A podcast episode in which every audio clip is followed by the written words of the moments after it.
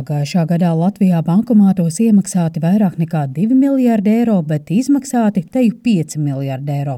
Tomēr kopumā skaidrs naudas aprite pērn mērāma aptuveni 8 miljardu eiro apmērā. To Latvijas radio noskaidroja Finanšu ministrijā un Latvijas bankā līdz 19. gadam mums gan iemaksas, gan izmaksas ir bijušas ar augošu tendenci, un tad sākoties pandēmijai, protams, kas ir saprotami, skaidrās naudas darījumu apjoms saruka, tātad saruka arī iemaksas bankomātos. Latvijas bankas padomes locekle Zita Zariņa stāsta, ka raugoties tendenci ilgākā laika periodā, skaidrs naudas iemaksas bankomātos tomēr saruka. Salīdzinot ar 22. gadu un 23. gadā mēs redzam, tādu nelielu kritumu iemaksās, bet, kas interesanti, redzam nelielu pieaugumu izmaksās. Vērtējot šos datus, jāņem vērā fakts, ka tie rāda ne tikai iedzīvotāju naudas lietošanas paradumus, bet atspoguļo arī bankomātu tīkla pieejamību un to, kādas maksājuma iespējas piedāvā tirgotāji. Ja Latvijas banka apkopo statistiku par skaidrs naudas iemaksu un izmaksu kopējo apjomu bankomātos, tad Komercbanku rīcībā ir jau detalizētāki dati par bankomātos iemaksāto vidējo summu un to, kāds ir klienta profils, kas visbiežāk veids skaidrs naudas iemaksas un izmaksas bankomātos. Ja skatāmies uz Svetbanka aktīvajiem klientiem, tad pērn aptuveni puse iemaksāja naudu bankomātā. No visiem klientiem tikai puse. Un šī vidējās naudas eh, iemaksas summa bija aptuveni 190 eiro. Svetbanka ekonomiste Līva Zorgenfreja stāsta, ka lielāka vidējā iemaksu summa bija pierīgā esošos bankomātos, bet mazākas Latgalē. Dzimuma ziņā vairāk iemaksā vidēji vīrieši vienā reizē nekā sievietes. Interesanti, ka analizējot vecuma grupas, var redzēt, ka vidēji lielākās summas vienā reizē, apmēram 260 eiro, iemaksā seniori, vecāki par 76 gadiem. Bet tur jāsaprot, ka vesela puse no senioriem iemaksas vispār veids tikai vienu reizi gadā. Iespējams, viņi iemaksā nu, dzimšanas dienā sadāvidāto naudu, Un tas ir arī viss. Uz Latvijas radio jautājumu, vai analizējot datus par skaidrs naudas plūsmu bankomātos, var arī secināt kaut ko par ēnu ekonomikas riskiem, Līva Zorgenfreja pauž šādi. Salīdzinoši maz ir tādu klientu, kas šīs iemaksas veids katru mēnesi. Un tādu ir tikai 5% no visiem klientiem, kas vispār veic šīs iemaksas. Bet, ja tu veids šādas iemaksas regulāri, tad tā vidējā iemaksu summa ir salīdzinoši augsta. Tie ir 600 eiro, un tas nav maz. Un tur iespējams, ka tas ir, varētu būt kāds teorētisks signāls par darbību ēnu ekonomikā. Komercbankas pārstāvi gan vienlaikus akcentē, ka nevienmēr šādas regulāras un samērā lielas skaidrs naudas iemaksas liecina par darbību ēnu ekonomikā. Pašnodarbinātais kāds, tas varētu būt kāds, nezinu, vīrs ir iedevis sievai kāds līdzekļus, nu, vis, vis kaut kas tas varētu būt. Ja mēs paskatāmies, kas tad ir tie regulārie iemaksātāji, tad tie parasti ir 36 līdz 49 gadus veci, un lielākā daļa tās ir sievietes. Finanšu ministrijas paspārnē tapušajā ēnu ekonomikas ierobežošanas plānā, kas janvārī guva valdības atbalstu, paredzēts, ka kredītiestādēm reizi ceturksnī būs jāsniedz informācija valsts ieņēmumu dienestam par iemaksām un izmaksām bankmātos, ja tās pārsniedz kādu noteiktu slieksni. Mēs vēl nezinām, protams, precīzi, kāds būs šis slieksnis un ko tas nozīmēs, bet iemaksu datos noteikti vēlams ir detaļās. Ja mēs šādu ātru analīzi veicām, mēs varbūt redzam atsevišķus signālus, kas var radīt jautājumus par iesaistu ēnu ekonomikā, bet kopumā mēs no šiem datiem noteikti neredzam, ka tā iesaista būtu ļoti plaša. Un tas arī nav brīnums, ja cilvēks dzīvo ēnu ekonomikā, viņš visdrīzāk centīsies arī pēc iespējas izvairīties no naudas turēšanas vai ieskaitīšanas bankā. Plikus iemaksu datus nevarēs analizēt, ir jāskatās no ļoti konteksts ar kopējiem ienākumiem, ģimenes situāciju, nodarbinātības status, nu ļoti daudz aspektu tur jāņem vērā. Pat labi, Komercbankām ir pienākums reizi gadā ziņot vidi par tiem klientiem, kuru bankas konta apgrozījums pārsniedz 15,000 eiro. Bet, manuprāt, nu, par iemaksām izmaksām šobrīd nekas tam līdzīgs eh, nav pagaidām jāsniedz. Kopumā mēs iesim uz lielāku caurredzamību, uz lielāku atklātību, uz lielāku datu dalīšanos. Arī Finanšu nozars asociācijas valdes loceklis Jānis Brazovskis uzsver, ka pastāv arī objektīvi iemesli skaidrs naudas apritei nevienmēr tas liecina, vai ir saistīts ar ēnu ekonomikas aktivitātēm.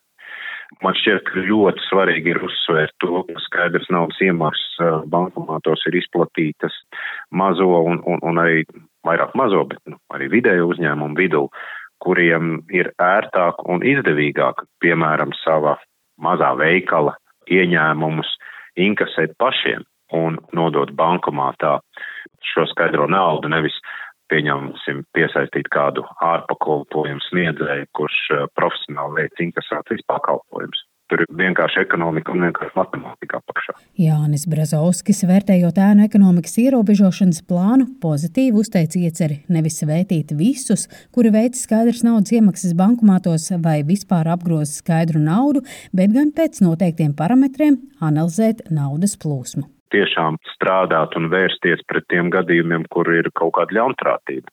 Lai nav tā, ka mēs atvainojiet, bet nu te visus pa perimetru, ieskaitot tos, ko es jums teicu, kuriem viņiem ir leģitīmi un tīri ekonomiski apsvērumi, kāpēc viņš veic šos skaidrus naudas iemaksas bankomātā. Savukārt runājot par banku jeb finanšu iestāžu iesaisti ēnu ekonomikas ierobežošanā, Jānis Brazovskis uzsver, ka ir svarīgi, ka šī ziņošana vidi ir jēgpilna reizi ceturksnī un neuzliek bankām kādus administratīvus slogus. Valsts ieņēmuma dienesta nodokļu maksātāju uzvedības analīzes un prognozēšanas pārvaldes direktora vietniece Natālija Filipoviča stāsta, ka brīdī, kad iestādes rīcībā nonāks detalizētāka informācija par naudas iemaksām un izmaksām bankomātos, tad iestādē būs arī iespēja jau vērtēt naudas plūsmas saistību ar nodokļu nemaksāšanu, jeb bērnu ekonomiku. Pat laban vidi šāda iespēja ierobežotās informācijas dēļ nav. Mēs plānojam, protams, viņus analizēt tādā kontekstā, cik lielā mērā, piemēram, iemaksas atbilst deklarētiem ienākumiem vai nav pazīmes, ka tur būtu kāda nereģistrēta saimnieciska darbība un attiecību uz izmaksām. Protams, mums interesi tādi netipiski izmaksu gadījumi. Jūsu kolēģi, piemēram, aizliegta paņemiena ļoti tā detalizēti nesen apskatīja naudas muļu tematu, jā, ka starptautiskie uzņēmumi izmanto naudas plūsmas parāgumu caur skaidro naudu, lai dabūtu kaut kādus nereģistrētus ienākumus.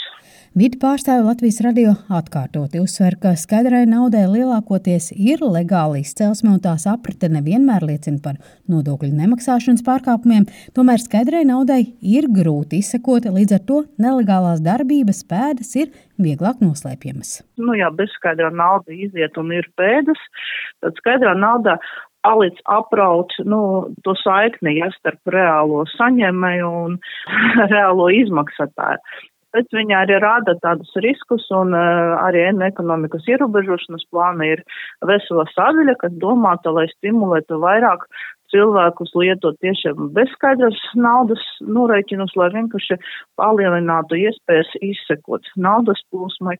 Nē, nu tas, ka skaidrs naudas apriti kā tāda un iemaksa un arī izmaksa no, no bankomātiem uh, ir uh, viens no tādiem, nu, ēna ekonomikas nu, indikatoriem, kas parāda ēna ekonomikas klātbūtni ne ar garantiju, bet, bet nu, ar, ar lielu varbūtību. Tā, tā ir taisnība. Stokholmas ekonomikas augstskolas Rīgā profesors ēnu ekonomikas pētnieks Arnis Sauka akcentē, ka šī iemesla dēļ ēnu ekonomikas ierobežošanā saprātīgā apmērā ierobežot skaidrs naudas plūsmu. Šajā plānā es redzu virzību par to, ka uh, ir, ir doma, ir ideja skaidrs naudas aprits maz nāk, kas pēc būtības nav nekas slikts, ja to dara saprātīgi, un tiek pievērsta uzmanība arī šai iemaksai, izmaksai bankomātos. Tas ir pieminēts. Vismaz. Tomēr šis nebūtu nav vienīgais ēnu ekonomikas ierobežošanas plāns, kas kādā veidā iecerējis skart arī skaidrs naudas apriti, un līdz šim centieni nav vainagojušies ar vērā ņēmumiem panākumiem. Un mēs zinām no statistikas, ka šī iemaksas izmaksas, tas ir tas, ko mēs varam kontrolēt. Jā, tas ir tas, ko, kas notiek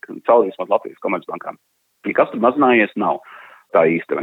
Jautājums ir, vai tiek vienkārši pieminēts virziens un tālāk būs tāpat kā ir bijis līdz šim, Vai tiešām šoreiz pieminot šo virzienu mazināt skaidrs aprits saprātīgos apmēros, jā, saprātīgā veidā, vai, vai tiešām nu, tas tiks darīts. Un, ja tiks darīts, nu, tad tam būs kaut kāda jēga, jā, nu, diezgan loģiski. Līdz šim vairāk par to runā. Tāpēc, ka tas ir komplicēti, ir daudz pretinieki un tā tālāk. Tas nu, tā līdz šim nav izdarīts vienkārši. Ēnu ekonomikas ierobežošanas plāns turpmākajiem trim gadiem janvārī guva valdības atbalstu.